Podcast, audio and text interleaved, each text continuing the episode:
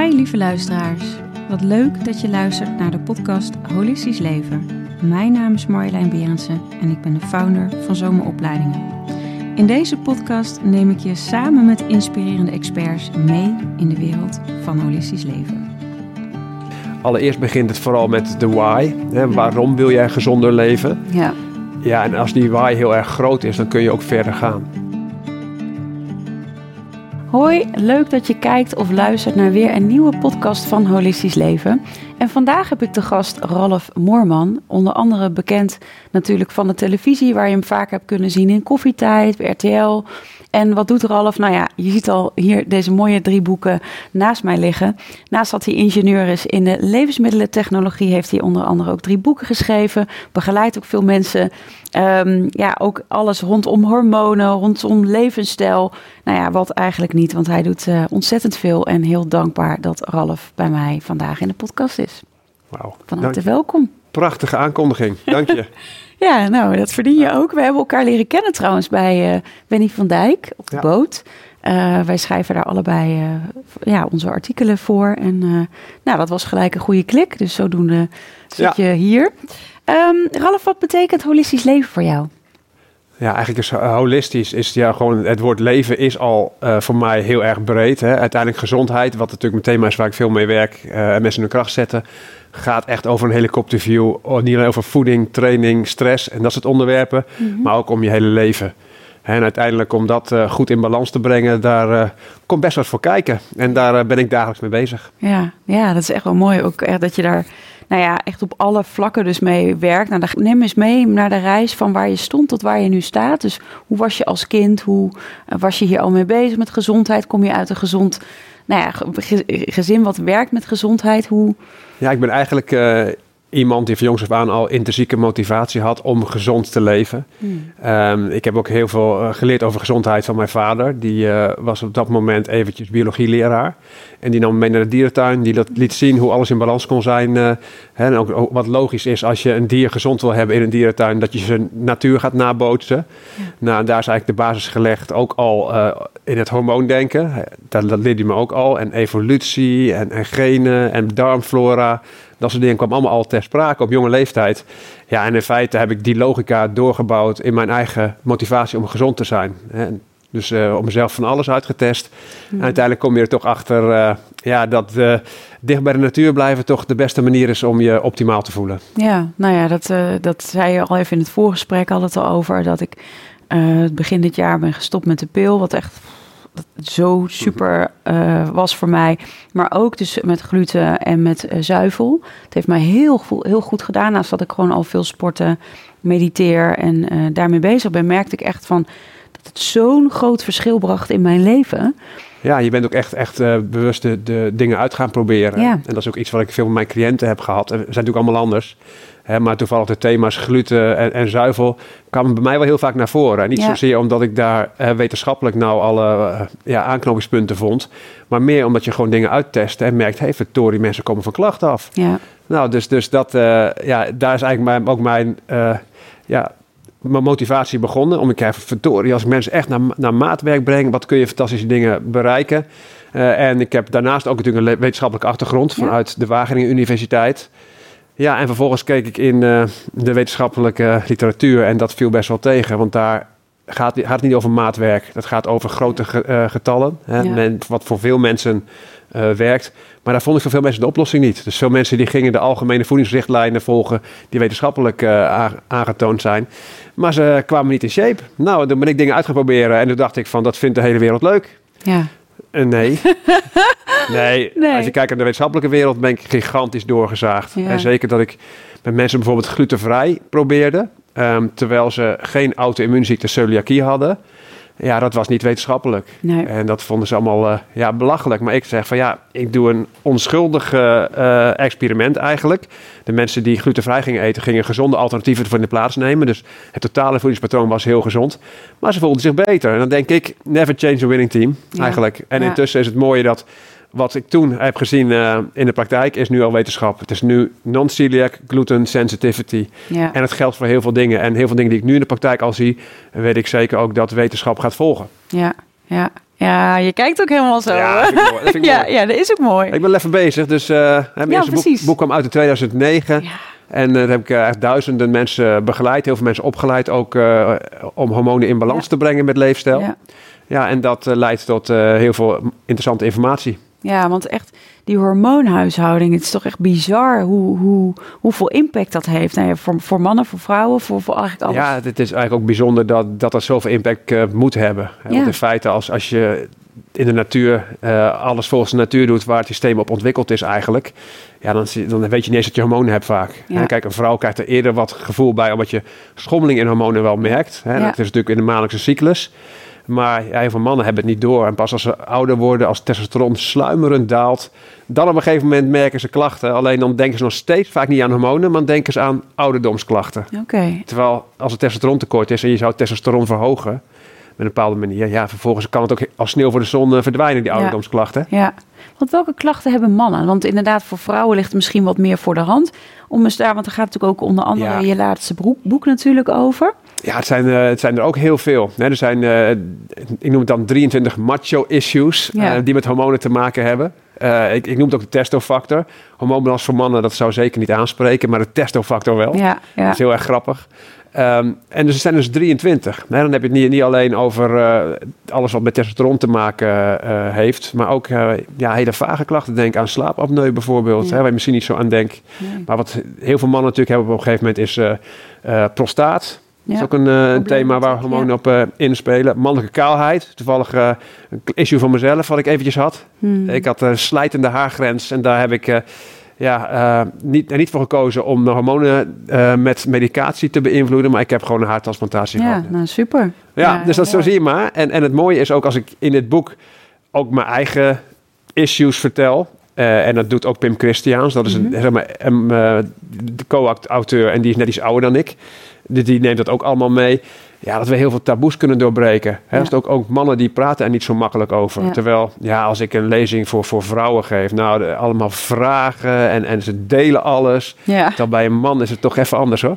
dat is toch wel wat gereserveerder. Ja, terwijl er zoveel dingen te verbeteren zijn. Hangt ook er bij veel schaamte op, lijkt me dan, of niet? Is, is dat het? dan? Ja, zeker. Hè? En, en ook, eh, ja, goed, als ik me aan het coachen ben en niet alleen eh, op de thema's voeding, dat er ook, eh, ja, hebben over, ja, je gaat je bier toch niet laten staan. Ja, als je vrienden drinken, dan drink je mee. ja. Hè, dat is natuurlijk een beïnvloeding van de, van de man. Maar ook op stressniveau. Hè? Je gaat het niet toegeven dat je stress hebt Hmm. op je werk. Je gaat niet aangeven dat het misschien wel te veel is. ja. Ja, dus je bent op een heel andere manier eh, bezig met coaching. Ja. En wat merk je bij vrouwen, als je, dat, eh, als je daarop Ja, inzoomt? Vrouwen, dat is, eh, dat is eigenlijk als je de, de boeken bekijkt, ik denk wel 95% eh op dit moment is vrouw die boeken koopt. Ja. Hè, dus dat is echt Ja. veel bekender. En er zijn ook ja, veel meer vrouwen denken ook aan hormonen als er iets gebeurt. Hè, natuurlijk eh, de cyclus zelf die, waar klachten Ja. door kunnen ontstaan. Ehm, de overgang, bij vruchtbaarheid. Hè, veel vrouwen hebben problemen met eh, zwanger worden op Ja. het moment door eh, polycysteus ovarium syndroom, PCOS. Mhm. Dat is ook een, dat, dat, dat, dat is misschien niet zo'n bekende term, maar het komt ontzettend veel voor. Maar ook vrouwen hebben veel schildklierproblemen. Ja. Hè, dat zijn allemaal thema's waar... Klier, zei je? Ja, Ja, heb ik ook gehad. moet kijken. Ja, Het is echt wel weer goed hoor, inmiddels. maar je ziet dat eh, daar wordt natuurlijk ook heel veel op gezocht, op klacht. Ja, Eh, en dan kom je in de hormoonfactor fuik terecht. ja. Ja, en Ja, dan- hè? ik heb daar overal blogs over geschreven. En heel veel dingen kun je ook gewoon zo gratis lezen. Eh, maar heel veel mensen vinden, het zo interessant. Die willen meer weten. En die gaan ja, in het begin voor de boeken. Eh, en uiteindelijk komen ze in mijn eh, opleiding tot trainer hormoonfactor terecht. Ja. Want dan wil je toch anderen helpen. Ja, ja, precies. Ook om, om hier duidelijkheid in te scheppen. En voor Ja. mensen, er is zoveel mogelijk. Kijk, weet je, want inderdaad, ik, ik had ook wel je boeken natuurlijk gezien. Weet je, ook vrouwen die misschien willen afvallen. Want dat, dat kan dan in eerste instantie Ja. motivatie zijn. Terwijl als je kijkt op gezondheid, daar zit iets onder. Wat maakt dat, dat, dat je het vast blijft houden. Ja, en, en het is dus ook een, een best een moeilijk thema. Hè? We leven in een eh, omgeving die ons verleidt tot ongezond gedrag. Ja. En ja, dat maakt het voor iedereen al moeilijk. Laat staan eh, wanneer je hormonen eh, uit balans raken, waardoor je eetgedrag eh, op een bepaalde manier beïnvloed wordt. Maar, ja, ja. Dus de stofwisseling onder druk staat. Dat soort dingen allemaal. Het is gewoon niet handig om hormonen uit balans te hebben, want dan wordt het alleen maar moeilijker. Ja, nou ja, omdat het dus ook zoveel invloed heeft op je emotionele gesteldheid. Ja, gigantisch. En eigenlijk, hè, als je het over hormonen hebt, als het over honger en verzadiging gaat, dan zou je eigenlijk in de natuur leptine en ghreline hebben. En leptine is de oerverzadiging, ghreline de oerhonger. Ja. Maar wij hebben iets anders geleerd in de huidige tijd met al die suiker-vet-zout combinaties in de supermarkt. Dat is namelijk een ander hormoon, serotonine. Ja. En dat kan Ja. schommelen bijvoorbeeld eh, vlak voor de menstruatie eh, of in de overgangsjaren. En er Mhm. zijn nog meer redenen om dat uit balans te krijgen. Ja, en dan, dat hebben wij geleerd dat we wat weg kunnen eten. hè. Ja. Je kunt gelukstofjes aanmaken door voeding te grijpen. Ja, Ja, en chocola, hè, dat is natuurlijk een bekende. Ja, dat is ook suiker-vet-zout. Dat, dat, is, dat is ook weer zo'nzelfde eh, combinatie. En als, en als levensmiddeltechnoloog weet ik zelf ja, hoe je die producten maakt met een hoge blissfactor, noem je dat. Ja, Eh, Ja. Met hoeveel veel mogelijk gelukstofjes. Ja, dan ga je het meest verkopen. Hè? Dat is eigenlijk wat, er, eh, wat Ja. er gebeurt. En ja, dat is ook het moeilijke van de omgeving die we gecreëerd hebben. En ja, heel vaak ben je toch als het gaat om, om afvallen, eh, vooral bezig met mentale dingen. ja, en je kijkt het craving natuurlijk er ook heel erg bij, hè? Ja. Dus gewoon gaan graaien of gaan eten. Ja, en je kunt ook heel goed een product maken als technoloog waar je gewoon moeilijk mee stopt. Ja, En dan gaat de zak leeg. ja, En dat zijn. Ja, dus allereerst wil je producten maken die heel veel gelukstoffen vrijmaakt. Zodat iemand, wanneer die in een emo-bui zit, jouw product pakt. Ja. Ehm, en daarnaast wil je ook, als hij eenmaal pakt, dat hij doorpakt. Ja, dat hij echt doorpakt, ja. Ja. dat hij door blijft plakken, pakken ook, ja. Precies. En daar zit jij nu anders in, want je hebt iets nieuws, eh, toch ook? Je bent ook bezig met... Nou goed, aan, de andere kant. Ik ben natuurlijk te- als te- technoloog heb ik gele- wel geleerd hoe je dat soort dingen voor elkaar krijgt. Ja. Maar andersom ja, kun je het ook juist die kennis gebruiken om producten te maken die heel verzadigend Ja, zijn. Hè? Niet het goede doen. Ja, en dus lekker, maar wel verzadigend. En, en niet allerlei effecten genereren zoals eh, bloedsuikerschommelingen en dat soort dingen. Ja, ja, super heftig. Want vertel, vertel- wil je daar wat meer over vertellen? Ja, nou, ik, ben, ben, eh, ik heb in Wageningen gestudeerd. En dat was eigenlijk ook al met de intrinsieke motivatie om de supermarkt gezonder te maken. En alleen dat is met een omweg gegaan. Ja, Want in het begin kwam ik erachter, er was te weinig vraag. En dan praat je echt over, over ja, 20 jaar geleden. ja precies, ja. Hè, dus het was niet zo populair nog. Er was te weinig vraag. En daarnaast was het, wat ik wilde, te natuurlijk. Dat betekent dat je geen octrooien en patenten kunt aanvragen. En dat kan alleen op een toevoeging of op een eh fabricatiemethode. Ja, Ehm, dus daar liep ik eigenlijk vast. En toen dacht ik, ja, eh, ik, ik laat me niet zomaar hier eh, stilzetten. Ik, ga, ik kom later terug. Ik ga eerst die vraag ver- verhogen, daarmee helpen. Mhm. Dus zoveel mogelijk mensen bewust maken. ja. En het mooie is, eh, toen mijn eerste boek in 2009 uitkwam...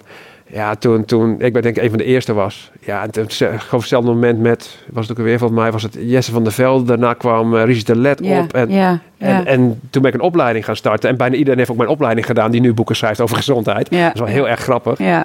Dus in feite heb ik daarmee toch, eh, terwijl ik mijn eigen bedrijf heel klein hou, veel invloed eh, gehad op het koopgedrag van mensen in de gezonde richting. ja, mooi. En dat betekent dat de supermarkt nu ook echt eh, vraagt om mensen zoals ik en ook om producten die ik bedenk. En ik, Ja. ben, sinds, ik heb een glutenvrij decembrood ontwikkeld onder het merk Jam. Dat is een bestaand merk. Mhm. En dat is wereldwijd het enige, ja, Ja, echt Echt gezonde, een goeie, ja. echt een gezonde variant.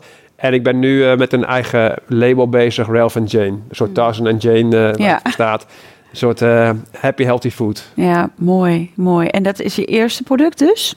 Nou, in feite, maar ik, ik, heb, ik heb nu één product, dat heb ik nog in, verkoop ik in grote webshops. Ehm, alleen de- de- het doel is om een st- een stap te maken en ook naar de supermarkt. Ja. Want da- daar ligt toch echt wel eh, een missie van mij. En ik heb ook, dat boek ligt hier niet bij, maar ik heb ook een boek De Boodschappencoach ja, geschreven. Ja, klopt. Die heb ik hier. Hè, dat is een rondleiding supermarkt die, eh, die ik uitgewerkt heb in boekvorm. En daar geef ik ook opleiding sinds kort over. Dus er zijn in Nederland heel veel coaches eh, die helpen, mensen helpen met eh, koopgedrag in de supermarkt. Die geven Ja. een rondleiding daar. En wat, waar ik best wel heel erg blij van, eh, van werd, is dat ik vroeger daar eigenlijk als een soort vijand gezien werd. Ja, Maar nu, er zijn gewoon supermarkten die vragen of ik een boodschappencoach in de buurt heb opgeleid, dat ze het zelf kunnen organiseren. goed. Ja, dus de supermarkten willen wel. Alleen ja, er zit ook natuurlijk heel veel eh ja, gelddrang en de concurrentie in. Dat je uiteindelijk rond moet komen, maar de intentie is er wel. Ja, mooi. En, en, en zo'n boodschappencoach, hoe gaat dat dan in zijn werk? Dus stel, ik wil... eh, ja, ik winkel graag gewoon bij de Albert Heijn. Dat is gewoon mijn fijne... Ja. Vind ik fijn. Omdat er ook wel wat meer bewuste producten zijn eh, bij ons. Ehm, Ja, de boodschappencoaches die op zich die doen soms eh, één op één begeleidingen. Dat, Mhm. dat kan ook zijn dat iemand al een, een gezondheidscoach is of een voedingscoach. Mhm. En die heeft een algemeen voedingsconsult. En daarna heeft hij ook nog een eh drie kwartier rondje supermarkt om alles even te laten zien. Hè, voor, Ja. En dan kun je maatwerk leveren. En dan ga je natuurlijk kijken bij de producten die je vaak koopt. Zijn er betere alternatieven? ja, Uh, En vaak uh, ja, zijn het eye-openers. Zeker als je een verpakking ziet of leest dat je niet goed ziet wat er echt in zit. En dat Ja. hebben natuurlijk de boodschappencoaches uh, goed geleerd. ja, Ehm, en er zijn boodschappencoaches die, die gewoon in een groep rondgaan. Er is weer een ander soort. En dat wordt soms ook vanuit su- supermarkten dus ook eh, georganiseerd. Wat, wat tof, dat wist ik nog helemaal niet. Ja. Wat mooi. Maar dat is ook wel waar we heen mogen, denk ik. Dat, weet je, als je kijkt hoeveel ehm, producten zo ongelooflijk bewerkt zijn. Dat, dat- ik, ik krijg gewoon last, zeg maar. Als ik, ik weet Ja. dat bijvoorbeeld, eh, nou, ik zal het merk niet noemen, maar bij bolognese chips bijvoorbeeld, daar zit zoveel die, die veetzinachtige toestanden in. Nou, ik krijg gewoon, ik, ik word zo onrustig met slapen. Ja. Ik eet het echt niet meer. Ik heb gewoon echt met bepaalde E-nummers, dan slaap ik gewoon zo onrustig. Ja, en eigenlijk noem ik hè, het bewerkte, echt sterk bewerkte voeding met allerlei toevoegingen Ja. noem ik behoorlijk experimenteel, Ja. laat ik het zo zeggen. Ja, En als je daar een groot deel van je voeding eh, uit laat meer. bestaan, ja, dan is de kans dat ergens een keer een emmer overloopt, dat je bepaalde klachten of ziekte krijgt, is natuurlijk eh, vergroot. Ja. Hè? Ik kan natuurlijk niet zeggen, dit ene E-nummer geef je die ziekte. nee, precies. En dat is in de wetenschap ook wel zo, ja, eigenlijk wel interessant als het gaat om leefstijl. Dat het, Ja. Ik noem het altijd zo'n soort emmer en er zitten allerlei dingen in en het kan op een gegeven moment overlopen. Ja, En dat ja. kunnen allerlei dingen zijn die daarin liggen. Hè. Dat kan stress zijn of iets anders buiten voeding. ja, Maar uiteindelijk probeer je vanuit helikopterview naar je leefstijl te kijken. En daar de grote lijnen te verbeteren. Ja. Zodat je uiteindelijk eh, een goede balans krijgt. En Ja. een goede balans is best lastig. ja, dat is het. Want hoe, hoe ziet jouw dag eruit? Hoe hou jij balans in jouw leven? Nou, in feite, eh, qua werk heb ik heel leuke, ja, eigenlijk variatie in mijn werk. Ik doe het wel al, natuurlijk al langer. Ja. Hè, dus dus eh, hier heb ik een podcast. Nou, er zit nog wel een beetje uitdaging in. Hè, want jij hebt net een ander onderwerpen dan de gemiddelde podcast. Ja. En ik wil natuurlijk een contro- controle, uitdaging, balans hebben. Ja. Hè, dat is natuurlijk een belangrijk eh, iets. Dus ik heb voldoende controle, maar ook weer voldoende, uitdaging in mijn leven. Ja, Dat is heel erg belangrijk. Ehm, dan heb ik, moet ik vooral ook het gevoel hebben dat ik eh bijdrage en nuttig ben. Nou, dat gaat sinds 2009 al heel erg goed, omdat ik iedere keer weer mooie dingen bereik.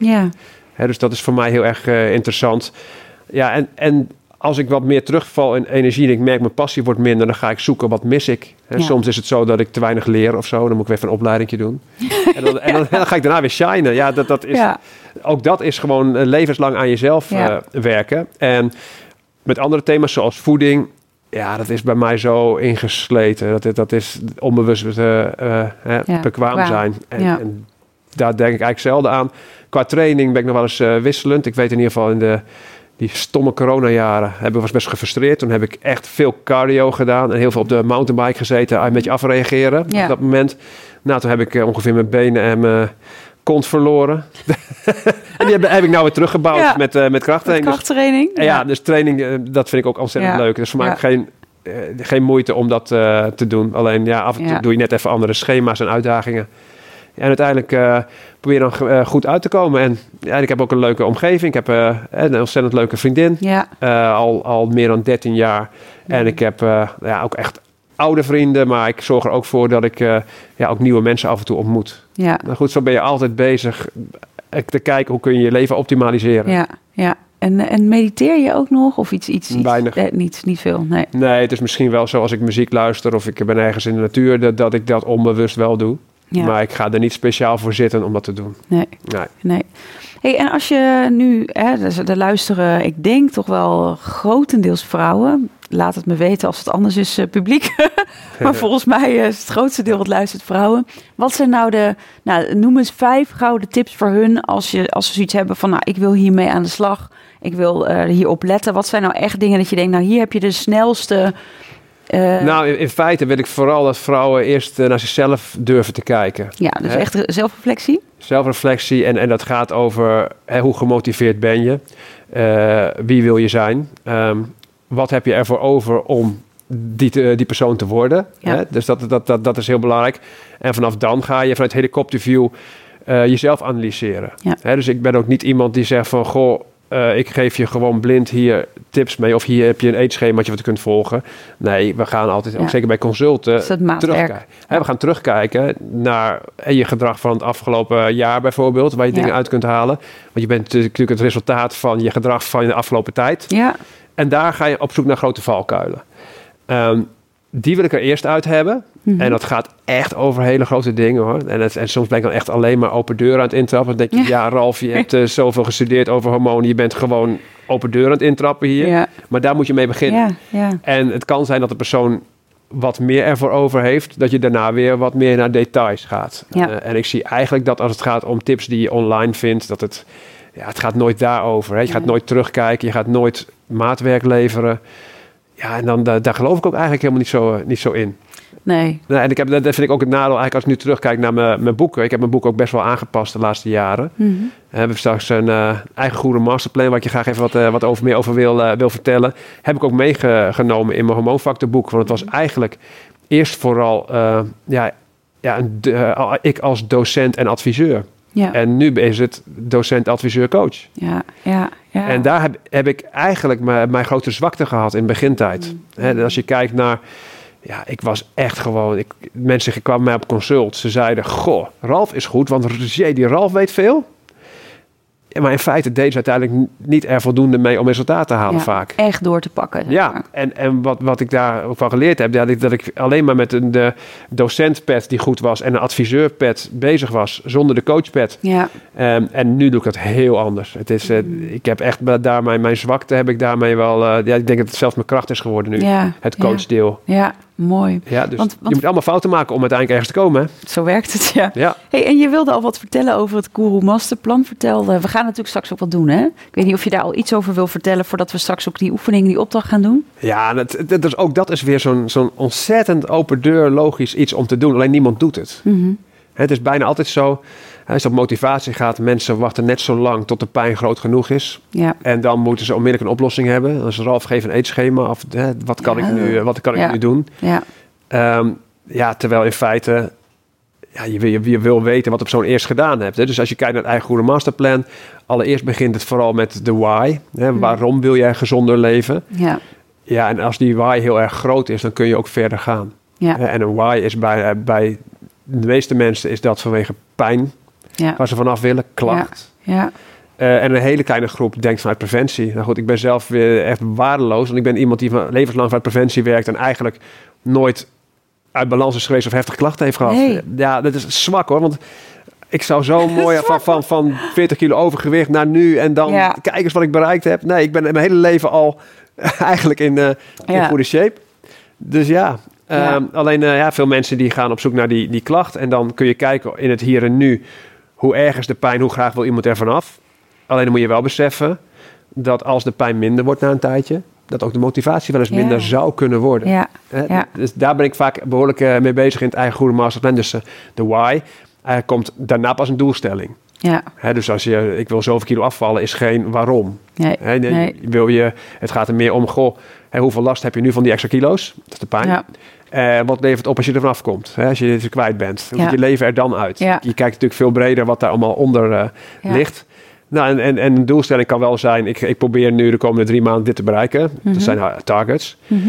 En dan ga ik meteen naar de spiegel. ja, En dan ga ik echt kijken... wa- wat heeft de persoon... ehm, eigenlijk de laatste jaar gemiddeld gedaan. En het gaat over voeding, training, stress, eh, mentaal... wat er allemaal in het leven gebeurt. Daar vind ik grote valkuilen uit. Ehm, en dan probeer ik vanaf daar naar oplossingen te komen. En Ja. soms ben ik zelfs niet alleen eh, de leefstijl van de persoon aan het analyseren, maar ook de omgeving. ja, ja. Hè, wat, wie Ja. zijn de ondersteuners in, jou, in jouw gedrag en wie zijn de saboteurs? ja, En eh, dat kun je heel breed trekken in de omgeving. Want ja, besef mensen die ik ga begeleiden, die, die hebben een bepaalde omgeving. En iemand die een bepaalde baan heeft waarbij die van receptie naar receptie gaat en die wil ik gezonder laten eten.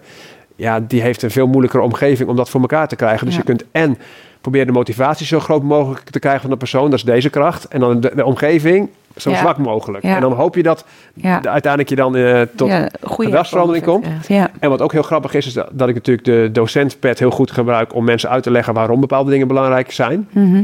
En dat ik dan vervolgens als adviseur zelf het advies niet eens geef, maar dat Nee. ik gewoon vraag: welke afspraken ga je dan nu met jezelf maken? precies. Echt dus weer echt direct committeren aan. Ja, Ja. Ja. en, en dat, dat is wat ik heel vaak zie. En ook zeker in hè, de va- vak waar jij zit en, en heel veel coaches die daar werken. Dat het heel goed tot inzicht leidt, maar dat er geen actie komt. Ja, Dat heb ik te vaak gehoord. Ik kreeg zoveel inzichten. Ik heb dat en dat gesprek gehad. Ja, en ben je aan het werk gezet met die, Ja. eh, met die Ja. inzichten? Nou, en vervolgens blijft het bij inzicht. En dat is zonde. ja, het gaat inderdaad echt over doorpakken. Ja. Ja, dat is ook echt gewoon, ja, ik noem het maar weer de feminine en masculine energie is ook gewoon ja, tot actie overgaan. En dat is niet blijven wachten en zitten en eh, nou, nu weet ik het wel. Nee, ermee echt aan de slag gaan. Ja, ja mooi. Ja. Even een kleine break tijdens de podcast Holistisch Leven. Nieuw namelijk bij Zomeropleiding is de opleiding tot spiritueel coach, waarbij je jouw unieke, intuïtieve en mediamieke gaven in kan zetten om mensen te begeleiden naar meer bewustwording. Wil je ook bijdragen aan een nieuwe wereld en wil je aan de slag met heling, multidimensionaliteit en spirituele groei? Kijk dan op www.zoma-opleidingen.nl voor onze locaties en startdata. En we gaan nu gauw weer terug naar de podcast. Um, we gaan ook even aan de slag. Je mag een kaartje trekken. En daar staat een vraag op voor jou. Oh. nou, vertel. Welke opmerking van een ander zal je altijd bijblijven? Nou, ik ben benieuwd. Wauw. Nou, ik weet dat mijn vader ooit wel eens gezegd heeft dat hij van me houdt. En dat, dat heeft heel lang geduurd. Hmm. En dat was fantastisch. Hmm. En dat ligt niet, niet zozeer aan dat hij dat bewust met een bepaalde intentie doet. Maar gewoon omdat hij ook weer een opvoeding heeft. En een Ja. bepaalde eh, ge- ja, omgeving komt waarbij je dat soort dingen niet zo makkelijk zegt. Ja. Überhaupt lastig voor mannen. Maar dat is wel echt een, eh, echt een belangrijke opmerking eh, geweest. En het, als ik me- bij mijn vader terugkijk, kijk, die was op een gegeven moment ook zelf in zijn carrière toch behoorlijk overbelast. Waardoor hij ook hè, da- daar minder oog voor had. Ja. En toen is hij in een burn-out terechtgekomen met allerlei klachten eromheen. En daarna eigenlijk is dat, eh, heeft dat onze band gigantisch versterkt. Dat, dat is toch een soort eye- eye-opener geweest. Ja. Eh, dus ja, ik ben blij dat dat eh, mij is mogen gebeuren. Want ik hoor zat mannen bij wie dat tot de dood niet, Niet lukt. niet lukt. Nee. Nee. Oh. Dus daar ben ik heel blij om. Mooi, mooi, Ja. mooi. Ehm, nou, dan hebben we heel wat luisteraarsvragen. Die hebben ze ingestuurd eh, via Instagram. Even kijken. Ik merk dat mijn energieniveau vaak schommelt gedurende de dag. Zijn er specifieke voedingsmiddelen die je aanraadt om mijn energie op peil te houden? Ja, we moeten natuurlijk al eerst naar. Wat is de oorzaak Ja. van die energieschommelingen? Laten we daar eens naar kijken. En dat is natuurlijk breder dan voeding. Dat kan met, met mentale dingen te maken hebben, met overbelasting door stress. Dat we die, die ook zeker niet vergeten. Maar de vraag is natuurlijk, wat zou dat binnen voeding kunnen zijn? Mhm. Allereerst met eigenlijk eh, energiewisselingen is dat ook je bloedsuiker. Ja. Dus als je dingen eet die je bloedsuiker te snel verstoren, wordt er vaak, eh, wordt er, komt daarna een dip. Ja, dat kan energie kosten. Maar er zijn ook heel veel dingen die eh, mensen niet verwachten, zoals voedselovergevoeligheden. Hè, dus soms denken mensen, ik heb een after-dinner dip of eh after-lunch dip. En dat blijkt dan geen bloedsuikerdip te zijn. Ehm, maar dat blijkt gewoon een iets wat je niet goed verteert of verdraagt. Ja, En heel veel mensen hebben dat gewoon niet door. Nee. Dus als je, als je- als je bepaalde dingen al je hele leven lang eet, ben je een bepaald gevoel gewend wat erbij past. ja. En dan eh, merk je pas als je ermee stopt. Nou goed, ik denk dat jij er ook wat over ja kunt heel vertellen. erg veel. Ja. Ja, dan, dan kom je pas achter, verdorie, ik kan me nog beter voelen. Ik kan echt een boek over schrijven. Nou, niet Ja. dat ik het doe, maar... Ja, maar geweldig. Nee, maar het is echt. Dat is echt zo. Dat is echt, ik had vooral echt met gluten en... eh, Ja, ik heb dat ook met eh toevallig glutensensitief. eh, en binnen zuivel is dat niet zozeer de lactose, maar de caseïne. Daar moet je niet te veel van Ja. nemen. Dat is het eiwit Ja. Van, eh, eiwit, ja, melkeiwit. ja, Het van, van zuivel. Ja. Ehm, dat eiwit van zuivel, dat werkt bij mij me- meer op mijn huid. Hè. Dus als- ik had vroeger wel een gegeven moment acne. En ik denk van, Tor, ik ben al 30 geweest. Dit kan geen jeugdpuisje meer Kan zijn. dit, hè. Dat ja. had ik op mijn rug. Nou ja, dat kwam dus daardoor. Ja. Eh, met Ja. gluten merk ik ehm, toch dat ik daar wat energie door eh, Ja, ik krijg echt moeheid daardoor als ik gluten eet. Ja. ja. En op zich is het niet zo dat ik dan doodmoe ben. Maar ik merk gewoon qua ook mentale scherpte dat Ja. die minder wordt. Ja, dat is een soort brain fog of zo, Ja, eh, voel ik dan. lichte mist over je scherpte. En toen heb ik op een gegeven moment... Ik ben erachter gekomen dat ik niet goed tegen gluten kan... door iets heel raars, namelijk meedoen aan een natural bodybuild wedstrijd. Oh, moest ik in een klein, in een klein broekje, helemaal ingeolied. Zijn er foto's een van? podium. Ja, die zijn wel ergens... Ja, het is heel, heel freaky hoor. Maar ik probeerde dus met een zo laag mogelijk vetpercentage... en zo hoog mogelijk spiermassa op het podium te staan... zonder anabole steroïden. oh ja. ja. Nou goed, wat, wat je, ga je dan doen? En aan het eind dan ga je ook eh, proberen je vocht te verliezen. En dan ga je Ja. je koolhydraten echt gigantisch beperken. En ik kwam erachter, verdorie. Ik eh, eet heel weinig koolhydraten. Ik voel me eh, zoveel scherper Ja. qua mind. Ja, en ik- toen dacht ik, ja. dat komt door koolhydraten. Later kwam ik erachter, als ik dan koolhydraten ging ophogen, maar dan rijst... eh, Koos, als- ja, precies. dat, toen was het heel anders. Hè? Het was glutenvrij. En het lag dus aan gluten. Maar ja, ben ik per ongeluk achtergekomen. Ja, nou ja, gedank, dank je wel uh, dat je er per ongeluk achter bent gekomen. Ja. ik, ik, ik dan ook uh, in die zin. Um, ik ben erg geïnteresseerd in hormoonbalans. Welke simpele levensstijl, aanpassing of voedingstips zou je aanbevelen om hormonen in evenwicht te brengen? Daar hebben we natuurlijk al wel een deel over gehad, maar misschien kun je nog iets toevoegen hieraan. Ja, nou in feite, ik zei al, de thema's voeding, training, stress uh, zijn natuurlijk heel erg belangrijk. Um, waarbij binnen, binnen voeding ja, het is eigenlijk allemaal heel logisch. Hè? Ik bedoel, je denkt misschien, ik, ik kan heel veel moeilijke dingen schrijven over voeding op detail. Maar als je met helikopterview kijkt, is het gewoon uh, ja, logisch uh, gevarieerd eten. Uh, zorgen voor een gezond vetpercentage. Want dat is zo raar. Je zou verwachten dat als je een hoog vetpercentage krijgt, dat het lichaam automatisch dat corrigeert en je laat afvallen. Nee, het gaat tegenwerken. Ja. Hè? Dus dat is niet, niet handig. Um, je wil je bloedsuiker stabiel houden in de natuur ja, of je moet van bijensteken houden. Nou ja, dat vind je honing. Ja. Maar voor de rest is alles heel veel vezel en water. Ja. Uh, dus het zal nooit je bloedsuiker snel uh, nee. laten verstoren. Dus dat is al heel belangrijk. En dan misschien wel de moeilijkste, die persoonlijke zoektocht naar wat je goed kunt verteren en verdragen. Ja. Uh, daar kun je uiteindelijk het, het meest winnen in de beginfase. Dan het thema training. Ja, dat is ook gewoon de vraag van, goh, wat voor atleet wil je zijn? Hè, welke fysiek streef je na? Een duur atleet zal spiermassa verliezen. Uh, ja. ja. en misschien op zijn buik iets meer vasthouden. Dat, dat is dat ook hormonaal logisch, want dat is nuttig om dat goed te kunnen doen. Maar de meeste mensen uh, die ik spreek, vrouwen willen women's health, mannen mens health fysiek. Ja. En dat is toch echt voor een groot deel krachttraining en een klein beetje interval uh, ja. wat je doet. En stressniveau, ja, de simpele vraag stellen, wat geef je energie, wat kost je energie? En dan, dan vind je vaak al heel veel antwoorden en dan ga je dan daaronder weer kijken, waar ligt dat waar aan? Zit dat, waar zit dat in? Ja. En doe jij een intermittent fasting of niet?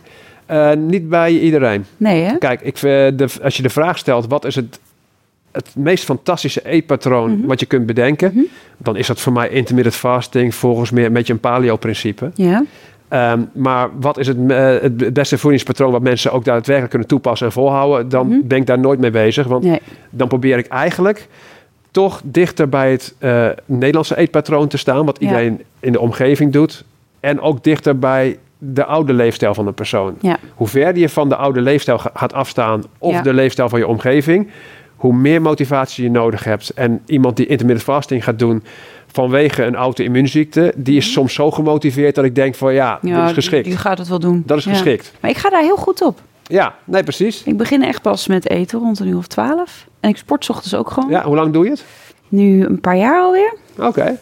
Inderdaad, la, lang vol. Nou goed, ik moet echt heel goed weten. Ik ga er echt heel iemand, goed op. Nee, maar ik, daarom geloof ik, het, het zijn de, hè, als je daar eenmaal doorheen komt door die fase, ja. dan heb je het echt over de beste manier van eten. Ja, want ik merk, weet je, dan sport ik meestal rond een uur of uh, half acht of acht uur al. Ja. En dan vier, nou zeker vier keer per week. En dan, uh, ja, en dan eet ik dus pas rond een uur of half twaalf, twaalf uur. Ja. Maar ik voel me zoveel beter. Ja. En als ik dat dus ochtends wel ga doen, en dan zeker ook, ook als je naar een hotel gaat, hebben ze ook natuurlijk niet altijd standaard nee. de dingen.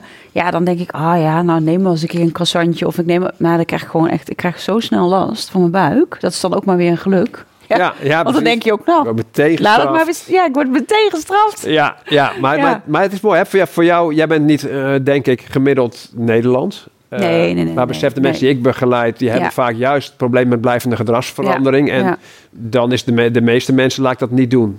Ook al is dat denk ik de beste manier van eten. Ja, oké. Okay, nou, was benieuwd naar. Want ja. je ziet daar ook nog wel verschillen. Hè? Dat ook sommige voedings...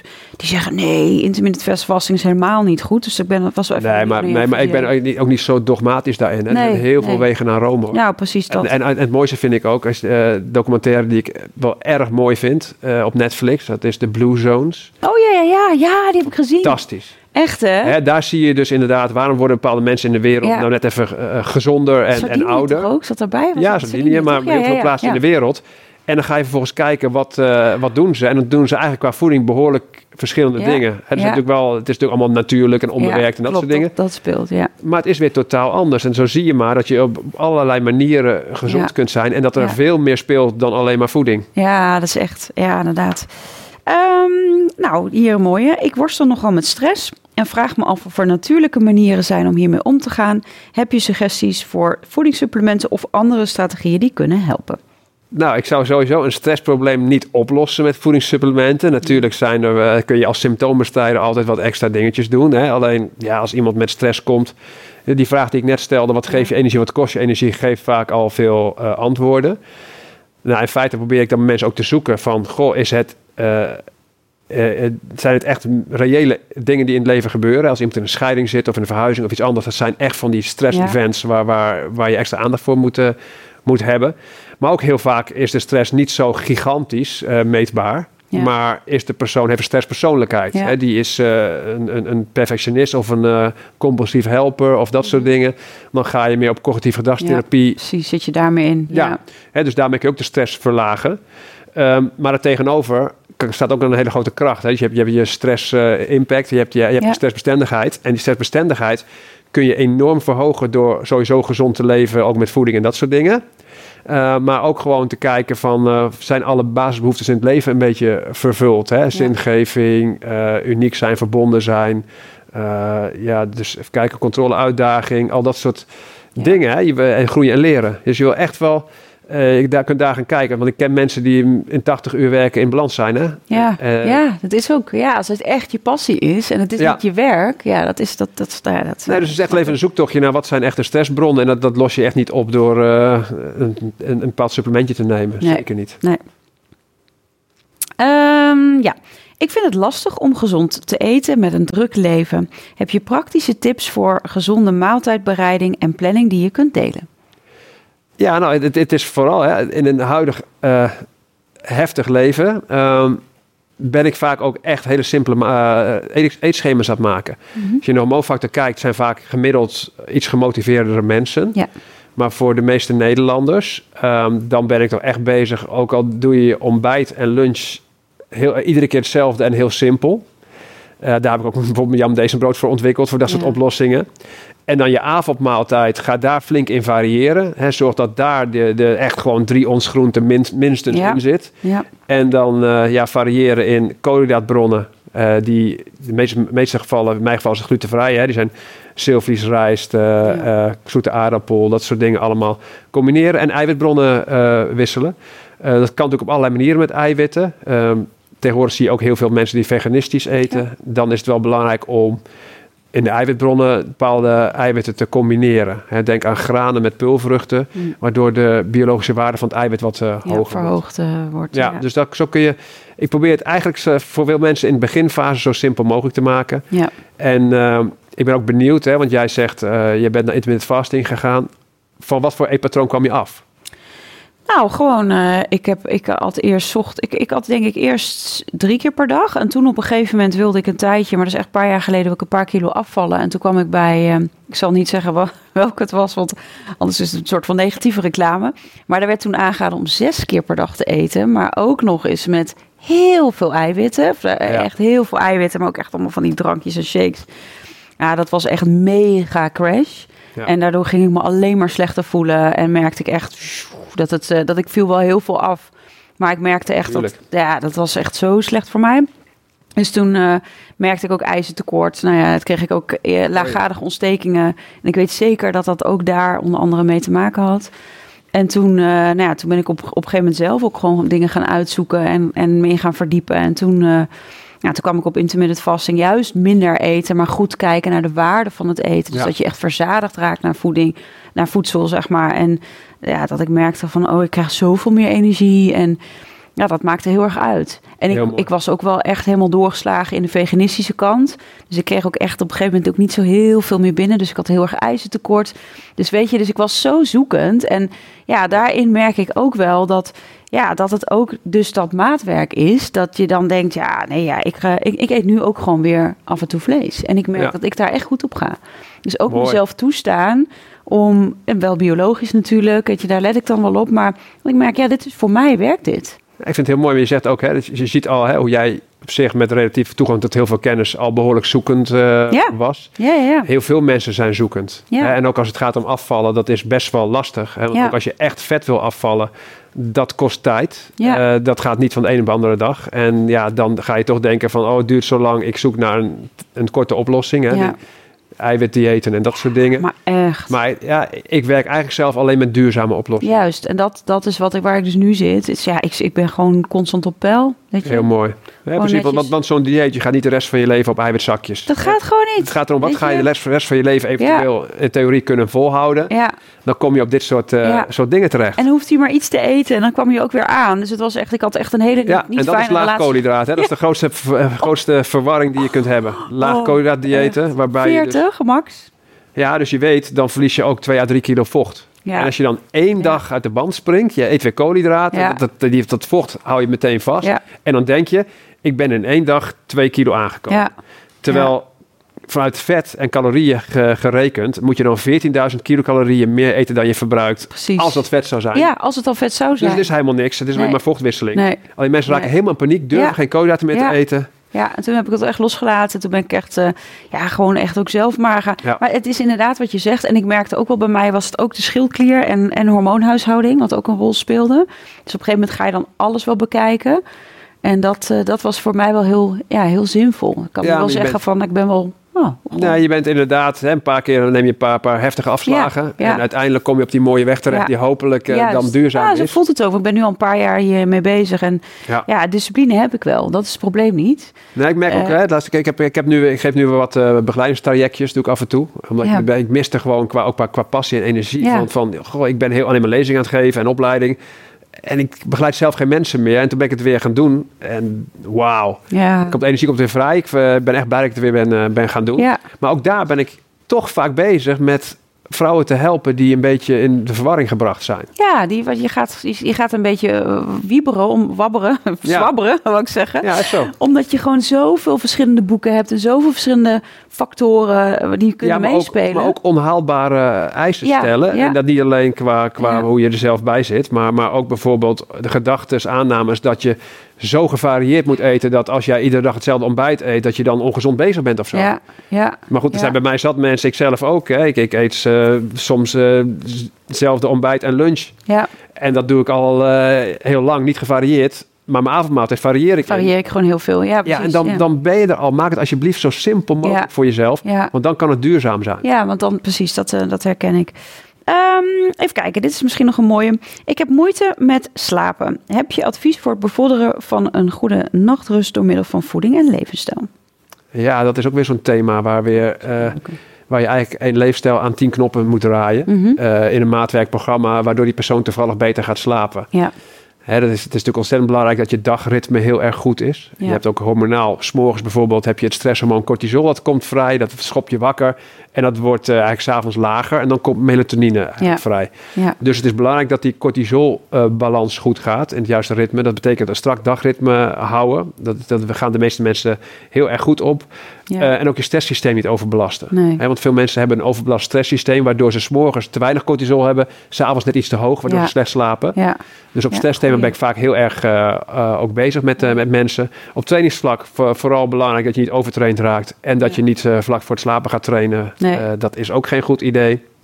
Ehm, op voedingsvlak, ehm, bloedsuikerstabilisatie is daarbij heel belangrijk. Ehm, en ook in de avond, wat je slaap enorm ondermijnt, is gewoon alcohol. Ja. Dat, je slaapt misschien wel beter in voor je gevoel, maar je slaapt onrustig en je herstel is gewoon een stuk minder als je dat, eh, ja. als je dat doet. Nou, Ja, een aantal dingetjes. ik ben wel echt gezond. Ik, eh, heerlijk. Ik drink, ik drink niet, ik rook niet. Ik voel me echt wel... Fantastisch. Even kijken. Ik hoor vaak over detox-diëten, Ralf. Ja. En ik vroeg me af wat jouw standpunt hierover is. Denk je dat ze echt nodig zijn voor een goede gezondheid? Ehm, detox diëten, eh, nou goed, detoxen doe je altijd. Je hebt een lever, je hebt een afbraaksysteem, dus op zich ben je altijd daarmee bezig. Mhm. Het is eigenlijk meer dat je in zo'n eh, kuur of zo niet toxt. Nee, nee dat is eigenlijk, je ja. probeert gewoon ja. zo min mogelijk jezelf te belasten, waardoor je voor je gevoel oude rommel op, eh, opruimt. Opruimt. Maar, maar in principe moet je er ook niet te veel van voorstellen. Ik denk, waarom werkt zo'n detox dieet niet vanwege het detoxverhaal, maar vanwege een reset van je systeem. Dat Ja. je je systeem rust geeft. Eh, en ik denk ook dat je, het goed is om je systeem af en toe te trainen. Nou, dat Ja. geldt voor alle systemen. Een keer vasten bijvoorbeeld. Ja, het is best goed om je lichaam dat, eh, daarop te trainen. Want Ja. anders dan kun je nooit, eh, als je een keer geen eten hebt, dan ben je problemen meteen. Ja, precies. Dus je moet dat ook trainen. Ehm, dat geldt ook voor, het, uh, voor stress. Korte uitdagingen zijn fantastisch. ik merk soms mensen die ook in een burn-out hebben gezeten en die durven geen uitdaging meer aan te gaan. Nee, Raken nog, ja. blijven in de boor-out hangen. Ja, ja. Um, en het, het, lichaam moet gewoon af en toe geprikkeld worden. Dat geldt ook voor training. Dan ben je eigenlijk jezelf aan het beschadigen om beter te worden in, in de gym. Mm -hmm. Dat geldt ook voor koude belasting, wat we nooit trainen. Ja. Ja, en op al die dingen wil je jezelf toch scherp houden. En ik denk dat zo'n korte uh, vaste kuur of, of detoxkuur daar prima voor is. Ja. Maar zeker niet wekenlang zoals in Hollywood. Nee, nee, nee. nee, nee Hetzelfde als dat je een uur lang in een ijsbad gaat zitten. Dat is gewoon overdone. Ja, wat doe jij ijsbaden? Uh, Ik doe wel het uh, koude douchen, maar op een laffe manier. Ja, ik ook hoor. ja, ik ben zo iemand die heeft dan de warme kraan nog aanstaan en dan gooi ik vol de kou open en dan wordt hij koud, maar niet, niet ijskoud. Ja, dat, dat, dat, is voor mij duurzaam. Anders ga ik, blijf ik het niet doen. Nee, nee precies. Dat, uh, dat is het. Um, even kijken. Ik ben een erg sportliefhebber. Heb je voedingsstrategieën? Op welke voedingsstrategieën raad je aan voor een pre pre prestatieverbetering en spierherstel bij intensieve training? Ja, en dan neem ik aan dat dit over krachttraining gaat. Ja, daar ga ik wel van uit als ik dit zo zie. Ja. Ja, in feite hè, wordt er heel vaak gekeken naar, oh, je, hoeveel eiwitten moet je hebben en dat soort dingen ja, in feite, als ik kijk naar mensen die, die gespierde willen worden, het gaat meestal niet over eiwit te, te veel of te weinig. Want iedereen krijgt wel veel eiwit Ja, Het gaat meestal over caloriebalans. dus als jij af wil vallen, dan moet je calorieën meer verbruiken dan je inneemt. En als je spiermassa wil winnen, moet je net iets meer eten dan je, dan je verbruikt. En, en dan moet je er zo voor zorgen dat je training, je herstel en je slaap zo in balans is, dat daar ook spiermassa van gemaakt wordt. Kan worden, ja. En ik merk vaak ook in, als het gaat om training, en zeker ook bij vrouwen, dat de trainingsprikkel niet groot genoeg is. dus dan ga je eigenlijk niet zwaar genoeg. Uh, en dan ben je aan het bewegen en niet aan het trainen. Ja. En dan gaat je lichaam niet beter worden in iets. En ja, dat is, dat is al, alhoewel ik zeg het nu wel. Je hebt een grote groep vrouwen die dat, die dat niet zo snel doet. Om echt, echt heel zwaar te trainen voor spiergroei. Maar er is wel een freaky groep aan het ontstaan die gewoon 150 kilo loopt te hip trusten in de gym. Uh, ja, hè? Denk, wat is hier aan de hand? Ja, dat is echt, hè? Ja, ja. dus dat, dat, is wel een beetje een hype aan het worden. Het komt vanuit, van mij uit de crossfit-wereld een beetje. En is ook doorgecijpeld in de bodybuild-wereld voor, uh, voor vrouwen. En die willen allemaal ja, bodybuild-benen volgens mij en komt. Ja. Ja, dat is, nou, ik, precies. Ik, uh, die, die, leiden daar graag heel veel pijn voor. Ja, nou, dat, uh, dat heb ik dan liever niet. Ja, nee, ik bedoel, ik sport veel, maar dit gaat te ver. Even kijken hoor. Mm, oh, nog eentje. Eén laatste vraag, want we hebben ook een mooie opdracht. Ralf, ik ben benieuwd. Het is wel leuk. Ik, ik, echt, iedereen die zit... Ralf staat er overal tussendoor, dus het is wel heel leuk. alsof ze met je op de bank zitten. Nou, gezellig. En Ralf, ik ben benieuwd naar jouw favoriete gezonde recepten. Zou je er eentje willen delen en misschien kort uitleggen waarom juist dit gerecht goed is? Ja, ik, ik, ik ben geen uh, keukenprins, laat ik het zo zeggen. Ja, nou ja, wordt gesteld, dus er is wel verwachting. Ja. Nou, ik, ik ben in één ding ontzettend goed. Dat is uh, pannenkoeken bakken. En ik heb er zelf, zelfs, ik vind het zo, zo leuk dat ik ook een speciale, eh, onder Ralph en Jane, de Power, power Pancake uh, ontworpen Wat heb. leuk! En ik wilde ook een, een eiwit pannenkoek bij gaan, uh, gaan maken. En ik denk als er wedstrijden komen met pannenkoekbakken dat ik uh, heel erg hoog uh, score. Nou, dan wil ik meedoen, want ik, ik ben ja. ook, ik, ja, ik ben ook echt goed in pannenkoekbakken. Nee, maar ik heb dus uh, binnen te vrij, dus ik heb een pannenkoekmix ontwikkeld. Dat is op basis van, van tef en bakbananenmeel. Ja. Um, en dat zijn gebronnen van resistent zetmeel, wat ook weer prebioticum is voor je ja, darmflora. Voor je darm, dus die die doe ik vaak. En uh, als je een recept hebt, ja, dan de, de lek, lekkere combi's bijvoorbeeld. Uh, uh, grote zalm en avocado vind ik echt een fantastische combi op die pannenkoek. Oh. Maar als je ook deze, deze meelsoort gebruikt, als je er al... Ja, ik zeker, zeker als vrouw anderhalf op hebt, is het gebeurd hoor. Zo, die dingen zijn zo verzadigend. Heerlijk. Dat is geweldig. Lekker. En waar kunnen we dit vinden? Dit is uh, op de website van uh, Puur Mieke nu en uh, van Healthy Life van Jurgen Zwaan. Daar okay. kun je hem inderdaad kopen. Maar ik ben die lijn aan het uitbreiden. Dus dit was een soft release. En eh, ik hoop dat het straks in supermarkten ook uh, te krijgen is. Nou, klinkt, ja. klinkt goed. Dan bak ik ook graag lekker mee. Ja. Hey, we gaan een opdracht doen en mensen thuis mogen lekker meedoen. Ja, inderdaad. Ja, en je hebt hier natuurlijk allerlei... ja, wat voor soort, soorten begeleiding heb je bij, meestal bij mijn gasten die hier bezig zijn? Ja, wisselend eigenlijk. Um, vaak zit het rondom uh, nou ja, nog meer innerlijke rust. Ik denk dat ook wel thema's rondom stress natuurlijk veel speelt. Zeker ook ja. rond deze maand. Um, ja, en dat, dat mensen gewoon nog dieper thuiskomen in hun ja. essentie bij zichzelf. Ja, dus jij gaat de diepte in meestal hè, met de begeleidingen. Uiteraard, ik, ja. Ik wil eigenlijk uh, niet de- alleen de diepte in, misschien op motivatievlak wel, maar vooral de helikopterview. in. Juist, ja. Het Dat- overzicht. Ja, Ja, het overzicht Dat is ook weer, hè? Ja. Hè, dus het overzicht krijgen over je, je leven en waar je het meest kunt winnen. Mhm. En het is meestal zo, en ik merk dat mensen ook niet begeleid, dat ze heel graag binnen de thema's voeding, training, stress, mentaal eh, voor bepaalde dingen kiezen om het op te lossen. Ja. En, en, je, en, je, en je lost een stressprobleem niet op met voedingsaanpassing. Nee. Hè, ik krijg nu ook een aantal vragen hier tussen. En dan denk ik, hey, je probeert nou iets op te lossen met een andere pijler. Terwijl de oorzaak ligt in In het mentale Ja. stuk. Ja. Precies, dus dat is heel erg eh, belangrijk. Hè? Ja. Dus ik denk ook dat het handig is om gewoon dat eigen goede masterplan een Ja. keer, keer eh, hier gewoon te noemen. Er zijn op zich zitten heel veel open deuren in. Maar ik heb daar mensen meer mee geholpen soms dan heel diep te gaan. Ja, Ja. Nou, laten we daar naar kijken. Want het holisme gaat natuurlijk ook over de breedte. Zeker. Dus, dus ik denk dat dat heel mooi is dat we inderdaad dan, wat je zegt, de motivatie mag diep gaan. En dat we dat overzicht eh eh. Dus laten we mensen meenemen dan thuis. ja dus de Ja. eerste vraag die je Ja. dan wil, moet beantwoorden Is is... het handig dat mensen even een, een notitieblokje erbij pakken? Is handig, ja. Oké, nou, pak, zet hem even op pauze. Pak eventjes een notitieblokje erbij en beantwoord de Precies. eerste vraag. De eerste vraag is, waarom wil je gezond leven? Oké, waarom wil je gezond leven? Vind Ja. als ik hem beantwoord? Ja, ik wil heel graag dat jij beantwoordt ook. en ik kan ook wel mee beantwoorden. Ja, nou ja, voor mij het gezonde leven gaat echt ook... Ja, het holistisch leven is voor mij dus ook op al die vlakken. Hè? Dus fysiek, emotioneel, mentaal, energetisch, spiritueel. Dus, dus ook gezondheid zit daar natuurlijk een hele belangrijke... Op fysiek niveau, maar dus ook gezondheid op die andere niveaus. Ja, en voor mij gaat dat heel erg ook over het leven van mijn... Ja, mijn zielsmissie. Dat ik, dat ik enerzijds dus door goed voor mezelf te zorgen... ook weer bijdraag aan een mooiere wereld. Ja, En dus ook voor mezelf te blijven ontwikkelen en te blijven groeien. Dat vind ik een hele belangrijke. En dat ik kan blijven maar bijdragen. dit is meer een missie en, en de manier waarop je dingen doet. Ja. Maar je, het levert je iets op. Ja, en het levert me eh, op dat ik, als ik, eigenlijk denk ik vooral de, de draagkracht in momenten dat het ook minder goed gaat. Weet je, want wij willen allemaal, we willen geluk en we willen een fijn en positief leven. Maar voor mij kenmerkt zich dat. eh, het is voor mij makkelijk als het goed gaat, gaat het goed, dan zit je lekker in die flow. Maar de momenten dat het niet goed gaat, dat je dan voelt, ik kan mezelf dragen.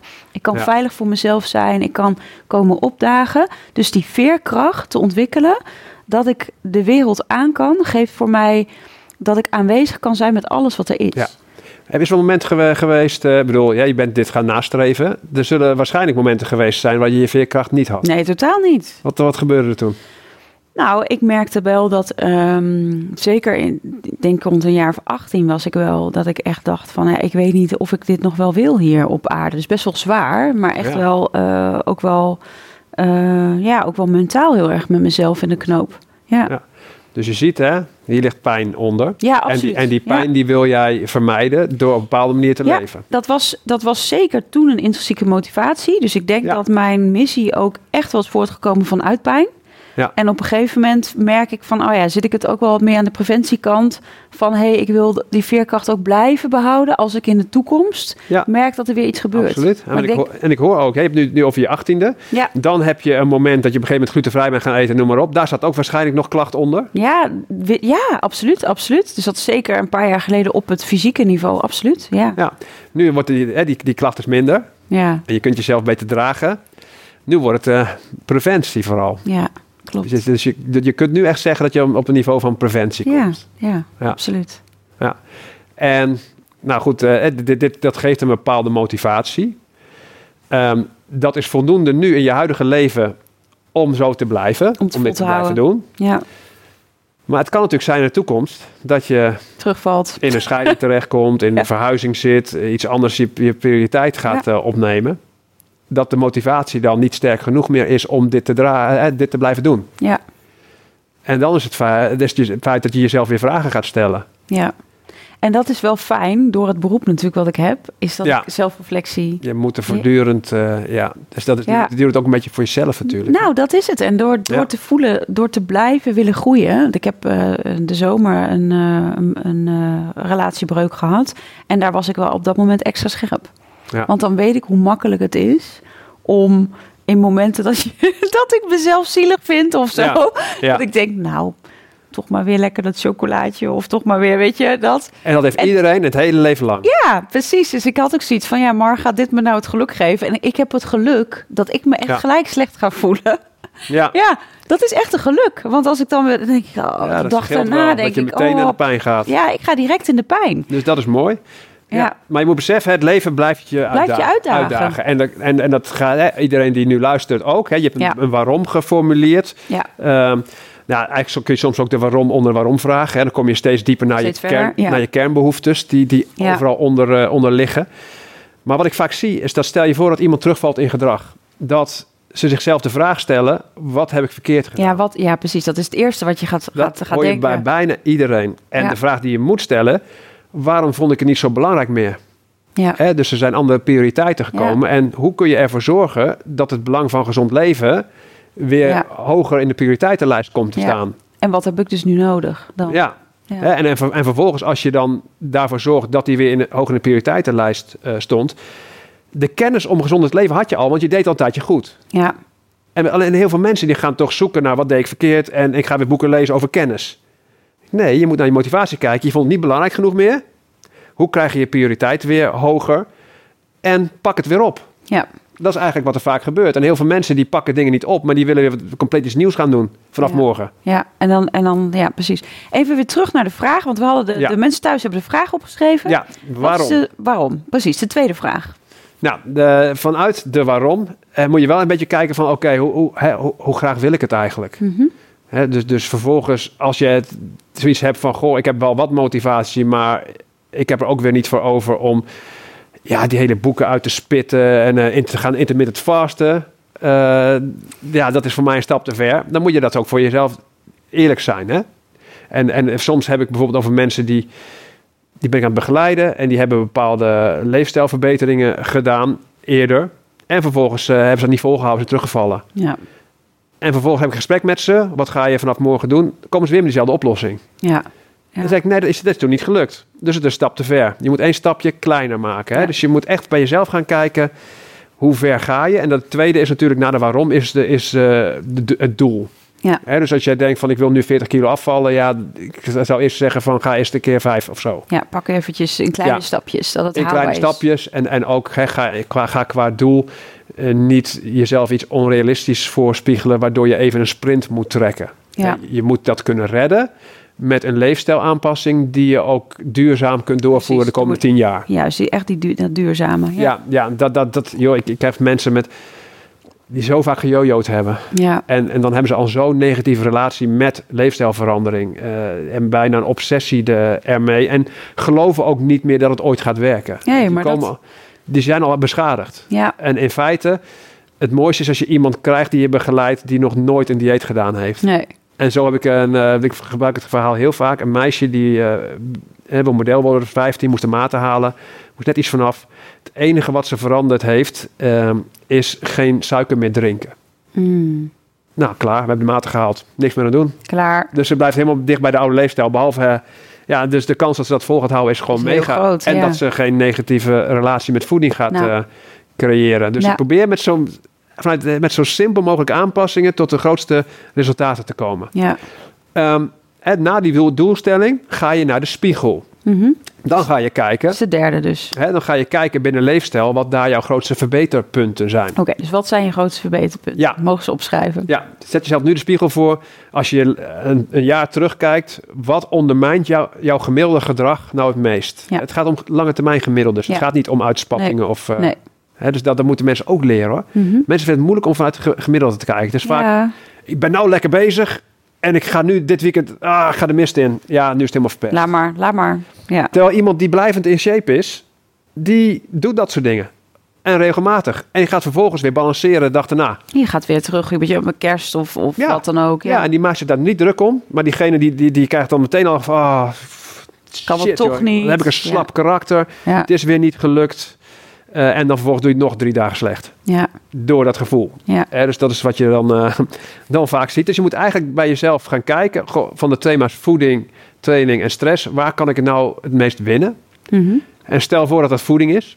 En dan ga je op zoek binnen het laatste half jaar naar de dingen die jouw gemiddelde ge- het meeste ondermijnen. Ja. En als het thema afvallen is, dan heb je het over ja, vier flessen wijn per week. Heb je het over zakken chips, eh, eh, bl- kaasblokken afsnijden tijdens het eh, koken. eh, dikke lage boter op je brood doen. Ja, dus ja, precies die. Ja, En dat zijn open deuren. En dan Ja, denk je, ja, ja, goh Ralf, kom, ja. kom jij nog mee aan? Dat wist ik al lang. ja. Maar het gaat meestal niet over kennisgebrek. Mensen staan niet bij de McDonald's omdat ze dachten dat het gezond was. nee, dat, Dat- weet zeg wel. Nee, en dat is ook weer, ook in dit geval Ja. eh, is dat zo.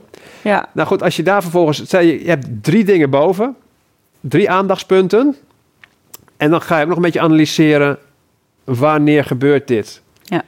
Hè, wanneer ervaar ik bepaalde stress? Wanneer eet ik die zak chips helemaal leeg?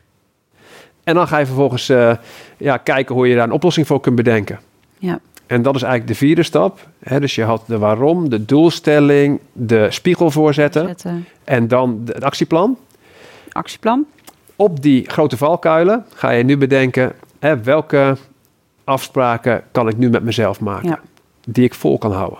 Precies, wat echt te Ja. doen is. Ja. En dat doe ik vaak ook bij de begeleiding van mensen. Eh, nou, die, dat vraag ik dan en, dat, en dan schrijf ik dan ook op. Ik maak een samenvatting van het consult... en dan hebben ze een soort contract met zichzelf afgesloten. Dit heb ik afgesproken. En het keer daarna dat je iemand spreekt... kun je iemand gaan bevragen over de afspraken met zichzelf. ja. En dat is heel wat anders dan dat je iemand een eetschema meegegeven ja. hebt. En of, je- of die aan jouw afspraken heeft gehouden. Ja, dat werkt voor geen meter. Nee, en het is daarin ook trouw zijn aan jezelf. Hè, want het gaat natuurlijk ook echt over zelfliefde. Want de afspraak die je met jezelf maakt, ja, die mag ook heilig zijn. Echt. Ik ben daar zo mee bezig. Het- Ook met die begeleiding die ik de laatste weken weer gehad heb. Zoveel vrouwen straffen zichzelf voortdurend in plaats van vanuit liefde Ja. zonder leven. Ja, terwijl het gewoon zo gaat over zelfliefde en zo gaat over, hé, hey, ik gun mezelf. ehm, ja, dat ik van mezelf hou. En dat uit ik dus ook in de manier wat ik eet. Wat weet je, dat echt voedt in plaats van Ja. vult. Ja, maar je, maar je gunt jezelf ook dat je bepaalde momenten even de teugels laat vieren. Hè? Ja, Alleen je, je zorgt er wel. 80-20 regel of zo. Hè? Ja, die noem ik meestal. Hè? Maar uiteindelijk gaat het erom dat je eh, dat soort dingen af en toe doet. En dat is, dat is beter dan geheel onthouder zijn, want dat hou je nooit vol. Nee. Dat, het, ook, ook niet, eh, het is niet, ook niet goed voor je omgeving en voor je sociale leven. Zeker niet goed. Eh, alleen dan vervolgens het wel weer met- meteen dan weer Ja. eh, balanceren op een relaxte manier. Eh, in plaats van te denken van, verdomme, ik ben zo, ik ben, heb, ik toch een slak karakter. Ik ben helemaal de mis gegaan in het weekend. En ik ga mezelf nu straffen door vijf keer naar de gym te gaan achter elkaar. ja, ja, Dat is Ja. voortdurend. Hè? ja, ja. En dat is zo'n visueuze cirkel. Ja, en het, maar het, en het stomme is ehm, dat je daar ook gefrustreerd door raakt. En dan toch af en toe weer gaat snaaien als je bijvoorbeeld af wil vallen. En dat je ook de controle gaat verliezen over, ja, ik krijg het nooit meer voor elkaar. Ja, ik Met kan deze methode. Niet. Ja, Terwijl als je heel simpel gaat nadenken en lange termijnsgemiddelde gaat bekijken. Ja, zo is het gewoon heel simpel. Als je alles hetzelfde houdt en je, en je gaat een beetje olijfolie op je brood doen in plaats van eh, die, die hè, koud gesneden plakken boter uit de koelkast. ja, eh, ja, Ehm, en je valt eh, natuurlijk een tijdje wel af. Alleen je moet wel je verwachtingen helder hebben. ja, Dat je 7000 kilocalorieën meer moet verbranden dan je eet.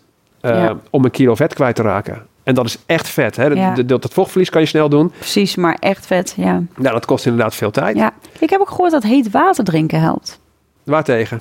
Nou, dat dat, dat, dat, dat zorgt voor... eh, ehm, ja, wat, wat was het ook alweer? Volgens mij ook dat vet makkelijker... dat je makkelijker loslaat en citroensap en dat soort dingen. Die, dat wordt, vaak, wordt, vaak, gede- wordt vaak gezegd. Hè? Er Ja, zijn hè? theorieën die eronder liggen. Alleen uiteindelijk kom je toch niet om de caloriebalans heen. Nee, nee, nee, nee. is helaas zo. Ja. Eh, en, en ook dit soort kleine oplossingetjes, je moet naar de oorzaak. Ja, oh, helemaal mee. Ja, je kunt ook zeggen van ik, eh, ik, ik neem nu een of andere vetburner die, die mijn stofwisseling opjaagt. Eh, nou ja, Ja. betekent, als je stel je voor dat je daar iets resultaat bij zou hebben, wat mij heel klein is hoor. Dat betekent ook dat je dat de rest van je leven moet blijven doen. Want het gaat om de balans. Dat is En precies. Sommige mensen denken, als ik nou even een tussensprint neem Ja, dan... Ja, en daarna doe ik hetzelfde als daarvoor, dan ben ik een paar kilo kwijt en dan blijft het eraf. ja, Nee hoor, want daarna heb je weer hetzelfde als daarvoor en dan krijg je alles terug. Maar het probleem is, het was zo streng dat je zo is gaan tegenstaan dat je het achteraf slechter doet dan ervoor en dan krijg je Ja. dus rente. ja, ja. Dat is echt een probleem. En dan is dat mega yo-yo-effect weer, hè? Dat, Ja. eh, wat veel vrouwen natuurlijk En dat is heel moeilijk. Ja, Ja, ja. ja. dus je ge- gemiddelde gedrag inderdaad goed krijgen in, Ja. in een obesogene omgeving waar we in leven, ja, eh, is gewoon eh, erg moeilijk. is een uitdaging. In de natuur was het allemaal vanzelf gegaan.